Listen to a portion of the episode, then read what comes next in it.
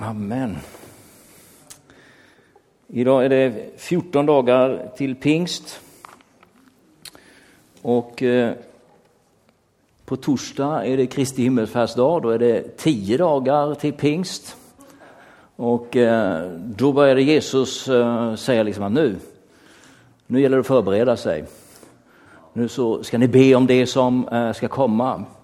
Därför att ni behöver nämligen helig ande. Det funkar inte att kuta iväg nu, utan nu måste ni eh, se till att bli fyllda av helig ande. Så det jag vill tala om idag det är eh, beroende av anden. Beroende av den helige ande. Jag tror att vi behöver börja med det nu innan pingstdagen kommer eh, eller så. Va? Så vi lever i ett beroende av den helige ande. Hela tiden, ungefär. Eh, vi ska läsa, eh, inte ifrån Apostlagärningarna då, utan eh, eftersom det här är före mm, Apostlagärningarna, pingstdagen, så ska vi titta i Matteus 10. I Matteus 10. Därför Jesus han ger en försmak till sina lärjungar vad det är för någonting som eh, ska fylla dem och som ska leda dem. Han sänder ut sina tolv eh, lärjungar i, eh, i det här sammanhanget. Jesus kallade till sig sina tolv lärjungar, gav dem makt att driva ut orena andar och att bota alla slags sjukdomar och krämpor. Detta är namnen på de tolv apostlarna. Först Simon som kallas Petrus, hans bror Andreas, vidare Jakob, Sebedeus son, och hans bror Johannes, Filippus och Bartolomeus, Thomas, Matteus, publikanen, Jakob, Alfeus son och Taddeus, Simon ivraren, Judas Iskariot, han som skulle förråda honom. Dessa tolv sände Jesus ut och han befallde dem, gå inte in på hedningarnas område eller in i någon samaritisk stad. Gå istället till de förlorade fåren av Israels hus. Och där ni går fram ska ni predika. Himmelriket är nu här. Bota sjuka, uppväck döda, Gör spetälska rena och driv ut onda andar. Det ni har fått som gåva, ge det som gåva. Amen. Detta här var eh, ganska mycket i början av Jesu tjänst som han eh, sänder ut sina eh, tolv lärjungar. Och det står inte i Matteus att eh, de kommer tillbaka och rapporterar att eh, det funkade eller hur det gick. Det står i de andra evangelierna. Det verkar som att eh, Matteus bara tar det för självskrivet att har Jesus sagt det så funkar det. I Lukas så står det att de kom tillbaka och rapporterade. Det här var inte enda gången som Jesus sände ut sina Eh, lärjungar på praktik.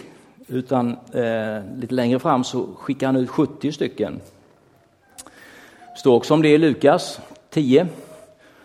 Och då så står det att de kommer glada tillbaka. Det funkar ju Jesus. Eh, det händer eh, under och tecken och till och med eh, demonerna de, de lyder oss. Jesus är inte så förvånad över det där. Utan han säger att, eh, att eh, glädje er i att era namn är skrivna i himmelen, i Livets bok. Det är som han, eh, han har liksom inte förväntat sig någonting annat än att det sker under och tecken och att eh, människor blir befriade. Det var ju det han skickade ut dem att göra. Ja, men de är glada. Eh, och det säger mig också att, eh, att det har varit en spänning hos dem att kommer detta att funka eller inte och så ser de att det funkar och så yes, hurra, det fungerade. Men för Jesus så är det ingen överraskning. Det är det här han lever i och förväntar sig att det ska funka hos lärjungarna. Därför att han skickar ut dem att göra det. Och eh, där kanske vi kan känna igen oss. Att eh, när vi ska följa Jesus så, och eh, praktisera det som, eh, som står att eh, eh, känns det lite, eh, lite småjobbigt och hur ska det gå och hur ska det bli? Så var det för lärjungarna, så tror jag att det är för, för mig, kanske inte för dig. Du, du liksom flödar i det här med att be med för människor och, och se att de blir frälsta kanske. Eller känns det som en liten spänning? Jag ser en i alla fall här. Två, tre. Ja, visst. Ni är så eh, spända så ni vågar knappt lyfta på händerna en gång. yes. Ja. Det här var någonting som flödade i Jesus efter det att han hade tagit emot den helige Ande, blivit döpt av den helige Ande vid Jordan. En nyckelvers, eh, tycker jag, därför att, eh, jag menar, bota sjuka, uppväck döda, gör spetälska rena och driv ut onda andar. Det ger Jesus dem att göra innan pingstdagen. Det är som att han kan inte liksom hålla sig till eh, pingstdagen utan måste liksom få igång dem lite grann här innan. Häftigt va? I första versen så står det att han gav dem, vad står det? Han gav dem makt eller auktoritet. Och I Apostlagärningarna så står det ju att eh, ni ska få kraft, dynamis. Men det är samma helige ande.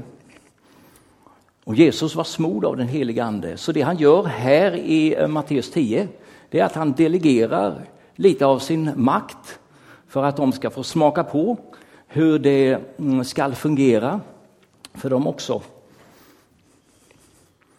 Och så säger de, det fungerar. Och liksom, när vi tänker på den där uppdragsbeskrivningen av att väcka döda till liv igen och be för sjuka så att de blir helade, botade och befriade och, och så vidare. Då, då, kan man liksom känna, i alla fall jag, oj, gäller det lärjungar nu?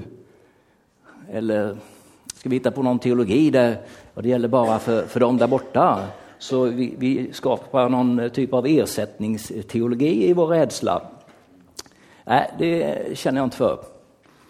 Utan jag tror att det var en utmaning för lärjungarna då, en utmaning för lärjungarna nu. Och jag vill ha det. Mm. Jag vill ha det. Jesus delegerar utav den heliga Ande. Och jag tror att, att kardinalfel i tänkande är att det där klarar inte jag. Och teologiskt sett så är det ju helt rätt. Vem av er klarar att frälsa någon eller bota någon eller väcka upp någon död? Men så där är det oftast, att vi tänker fel fokus. Ah, det är klart att inte jag kan och inte du kan heller. Men vi ska ju inte stanna vid och titta på oss själva, eller hur? Utan vem är det som gör det? Det är bara Jesus som kan göra sånt här. Det är bara Gud som kan göra sånt här. Så vi behöver flytta fokuset ifrån eh, mig själv till han som kan. Vad är det det står i Filipperbrevet 4 och 13? Allt förmår jag genom honom som ger mig kraft. Så vad jag tror är att vi behöver liksom se mindre och mindre på oss själva. Och, och den här tiden eh, den trimmar ju oss att tänka på oss själva, se oss själva och så vidare. Men i den kristna tron så hjälper det föga Utan ju mer vi är, för att komma tillbaka till överskriften på predikan, beroende av Gud, beroende av den helige Ande, ju mer kan vi leva som, som kristna. Behöver du den helige Ande? Ja. Yes. Förra söndagen så eh, pratade jag eh, lite grann i det här också och då var ett, eh, ett ord, ett tilltal i början av att, att, eh, att inte vara beroende av Gud är lika med ljumhet. tyckte jag var lite bra. Att leva utan att vara beroende av eh, Gud. Det gör ju att jag klarar det själv och är ljum. Beroende av Gud. Allt är möjligt. Han gav dem någonting. Han gav dem utav sin helige ande. Han gav dem delegerad eh, makt i den helige ande. Och eh, när det gäller den helige ande så, så eh, heter det ju till exempel om eh, gåvorna att de är nådegåvor, de ges gratis. Den helige ande i Apostlagärningarna 2 och 38 så står det uh, när Petrus har predikat och judarna säger vad ska vi göra då? För, för de får stygn och syndanöd. Omvänd er allesammans, säger eh, Petrus. Låt döpa er i Jesu Kristi namn, i Jesu namn så att era synder blir förlåtna. Då ska ni få den heliga ande som gåva. Ja. Så Jesus gav lärjungarna redan eh, i kapitel 10 i Matteus eh, makt, en gåva. Och eh, eh, på pingstdagen så eh, ger han hela mänskligheten den gåvan, den heliga Ande, åt var och en som tror och vill ta emot fyller han med helig ande sin gåva. Halleluja.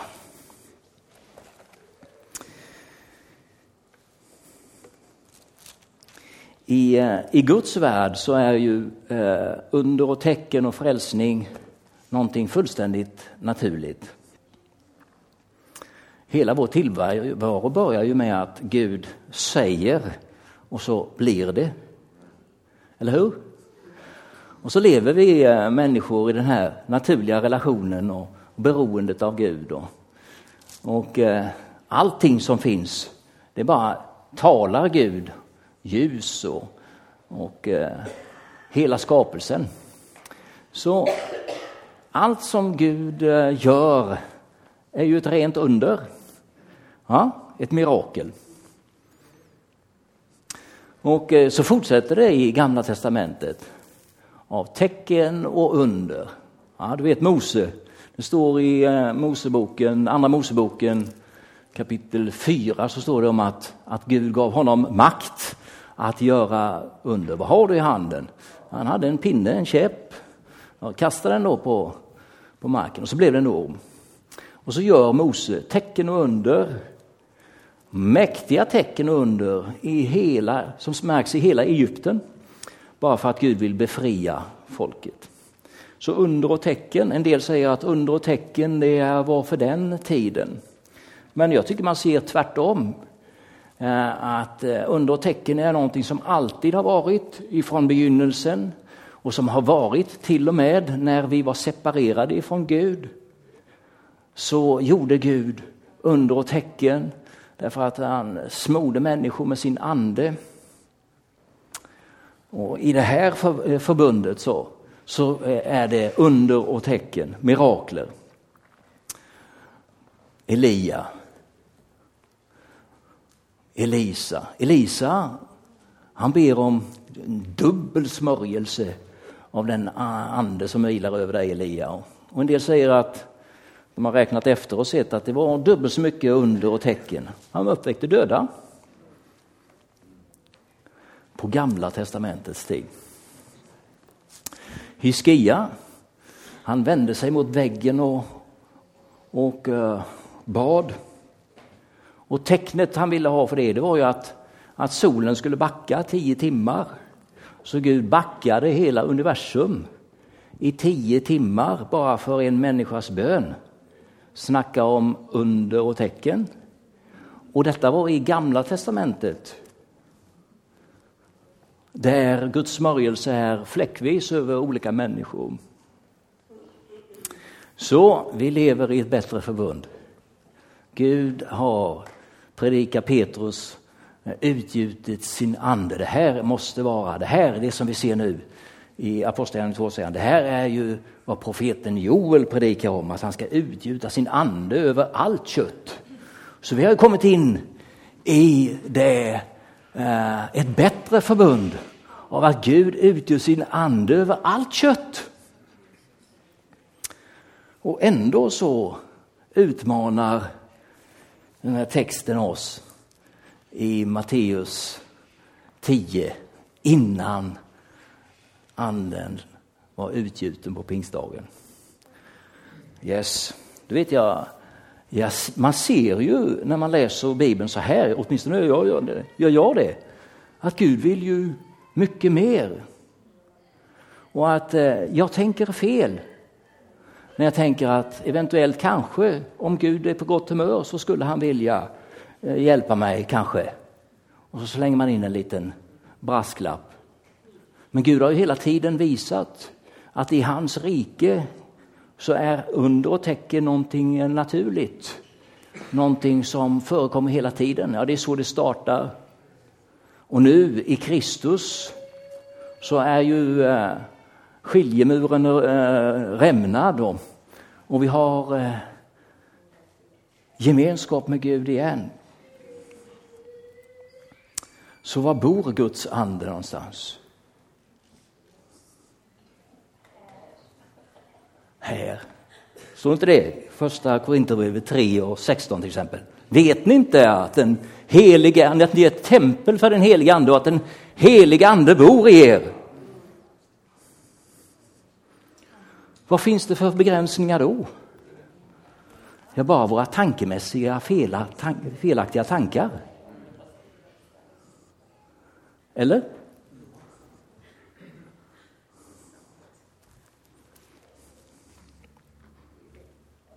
Gud, befria mig från felaktiga tankar, vantankar, misstankar, otrostankar. Ja.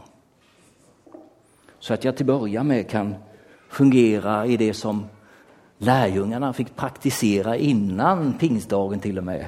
Och sen flöda i det som första församlingen gör i eh, Apostlagärningarna 2. Yes, vi behöver umgås med Guds ord. Vi behöver ha in det. Du vet, ibland. Jag hade en bibellärare som, som sa till mig att, eh, eller han berättade där att, att jag brukar gå och be med Bibeln på huvudet, sa han. Karl och Johansson hette han, en sån här pingstprofil. Du vet, jag är så löjlig så det har jag gjort hemma. Gud, nu går jag med Bibeln på huvudet. Därför att jag behöver ha in det här ordet. Jag är så full av otro och eh, felaktiga bilder. Gud har ju tänkt så mycket mer. Ja. Och Jesus, han har så en god strategi. Han eh, går omkring och botar människor, predikar evangelium, kallar lärjungar. Och han undervisar och så redan i början så säger han, ja, iväg med er nu. Då ger han dem makt och auktoritet. Jag tror att vi, i alla fall i den här kyrkan och kanske i västvärlden, vi har liksom missat praktikbiten helt och hållet. Vi pratar, men vi gör inte. Och vi sjöng en sång här nu om om att eh, hjälpa varandra att leva som mästaren lär. Var det, var det inte så? Ja. Så här lär ju mästaren, inte hur? Han undervisar, han botar sjuka, driver ut demoner. Och sen så eh, säger han till lärjungarna, kom igen nu. gör det här. Så en utmaning för oss är att låt inte rädslan, det är klart de här var ju rädda här. Det tror ju, det är jag övertygad om. Ska, ska jag göra det nu? Räcker det inte med att du gör det Jesus? Ja? People are people, vi är ju likadana. Eller? Låt inte rädslan diktera, utan låt Guds ord bestämma vad du ska göra. Ja, det är inte farligt att vara rädd. Det som är katastrof är när vi lyder rädslan. Rädda är vi ju allihop, mer eller mindre. Tills vi har sett att det fungerar. Vet du. Då kommer man tillbaka och så säger man Yes! Det funkar ju! Ja, det vet jag väl, säger Jesus. Det var ju därför jag skickade ut dig. Det är den erfarenheten vi behöver.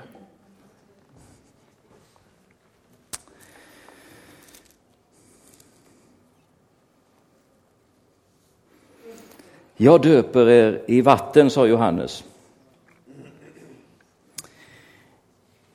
Efter mig kommer en som är större än jag. Han ska döpa er i helig ande och eld. Det står i Matteus 3 och 11.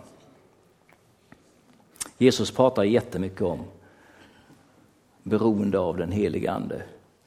Och det är som att han värmer upp dem innan. Han delegerar utav den helige ande för dem. Därför att de ska förstå att det här handlar inte om mig utan det handlar om ett beroende av den helige ande. Smaka på det här.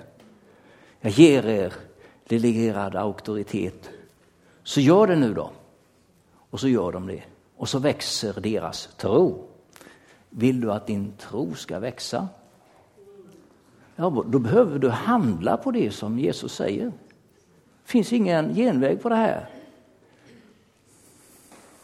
Utmana det.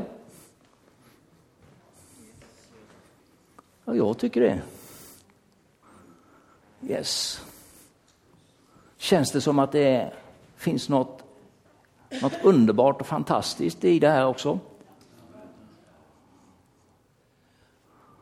Ja, vilken förmån att få utmanas av Jesu ord. Vänta på eh, vad Fadern har utlovat. Han ska döpa er i den heliga Ande. Johannes 14 och 6 säger Jesus att jag ska be Fadern och han ska sända hjälparen. Och han ska för alltid vara med er. Vi är tempel åt den helige Ande. I det gamla templet så var Gud på besök därför att det står att han bor inte i byggnader av, gjorda av människohand. Så det är som att hela himlen har väntat på att Jesus ska ropa att det är fullbordat. Därför nu kan jag bo i det tempel som jag har tänkt från början. I dig! Och så tänker vi att eh, någon annan, pastorn eller någon annan ledare. Nej. Du är ett tempel för den helige Ande. Lever du i beroende av den helige Ande? Och när skriften säger allt är möjligt, då är det inte så mycket begränsning längre. Då är det till och med uppväcka döda. Och det där händer ju idag hos dem som tar vara på Guds ordet. Och som har hänt, det har hänt i hela historien. Den kristna kyrkan växer ju något så enormt runt omkring i vår värld. Det känns som att vi släpar efter lite grann här i västvärlden i vår intellektualism och att förstå allting innan vi vågar handla på det som Gud säger. Du märker att jag kanske inte, att jag inte predikar bara till er utan det här gudsordet och den här predikan har drabbat mig. För jag är inte nöjd längre med att prata om det. Hur har du det?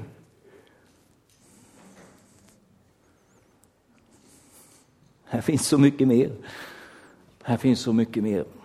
I eh, fredags så var jag och lyssnade på Fame, massa duktiga ungdomar som sjöng och spelade och så här vidare. Men som i alla andra sammanhang så, så, eh, så måste det vara svordomar med och eh, liksom sexanspelningar och lite homosexuell flörtande och, och så måste man ju förnedra de kristna också på något sätt. så göra sig löjlig av människor som ber till Jesus och sådär.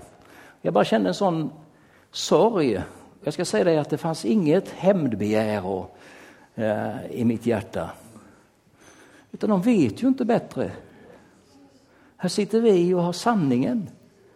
Och de förnekar och förbannar vägen till livet och begriper det inte.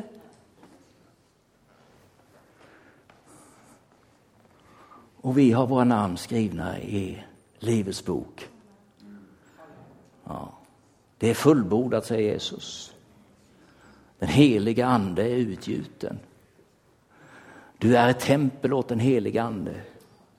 Och vi tänker så många tankar, men jag kan inte. Och inte ska väl jag. Och missionsbefallningen den skruvar vi om till någonting. Gå ut när vi har tid och bjuda in människor till gudstjänsterna så att pastorn kan predika för dem och någon annan ber för dem så de kanske blir frälsta och eventuellt blir lite hjälpta också. Det är inte så det står. Utan det är ju en kallelse till oss var och en. Det handlar ju inte om här egentligen, utan det handlar ju om där människor är. Gå ut i hela världen och förkunna evangelium. Dessa tecken ska följa dem som tror, står det i Markus. Tror du? Då är Jesu ord till dig att tecknen ska följa dig. Du vet, det här är bättre än våra vanetankar. Vi behöver eh, ta emot uppenbarelse på det här ifrån den helige Ande och sätta tro till att det är faktiskt oss skriften talar om. Han har, han har gett oss sin auktoritet. Är det inte det det står? I uh, Matteus 28 så står det att hos mig har, åt mig har getts all makt. Det är precis samma ord som i Matteus 10. Han gav dem makt. Precis samma. Och det är den heliga Ande. Ekusion heter det ungefär på grekiska. Det handlar om Gud. Så han avslutar evangeliet, Matteus, med att säga att, att citera Jesus. Åt mig har getts all makt i himmelen och på jorden. Därför ska ni gå ut. Och därför kommer dessa under och tecken att följa dem som tror detta. Gud Hjälp mig att ha förtroende. En väg till att få förtroende och, och en tro som växer i det här, det är inte att eh, teoretisera mer, utan att praktisera mer. Jag tror på det. Och där kan vi hjälpa varandra.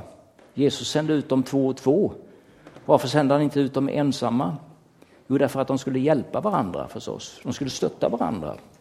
Det behöver vara lite mer eh, konkreta. Så jag vill, se, jag vill utmana mig själv och den här kyrkan i att, att eh, eh, gå ut och möta människor med behov. Och förbereda mig för att be för människor att de blir botade, att de får känna att... Ja, så vi kommer tillbaka till ursprungskallelsen som kyrka, som kristna och församling. Var inte det bra sagt? Mm. Så längtar du också efter att Jesus ska bli ärad, respekterad, älskad och efterföljd i våra sammanhang, i vårt samhälle och ut över världen. Är du hungrig efter mer av Gud? Är du villig att låta dig utmanas? Att ta steg, att praktisera. Fast du kanske är rädd. Vägra backa för rädslan. Så vad tänker du göra? för att det här ska ta ett steg framåt i ditt liv. Mm. Inte för vår skull, men för en värld som är helt vilsen, och som smädar livets väg. Det bara gör det så ont i hjärtat. De hade inte en aning om vem de pratade om. Det var min Jesus som har dött för dem. Det här måste de bara få höra. Och det måste vi berätta för dem. Smorda av helig ande. Ja. Är du med på det tåget? Halleluja Jesus Kristus Herre. Vi tackar dig. Vi tackar dig. Halleluja. Vi ber tillsammans. Vi ska ha nattvard också och du kan fortsätta att säga något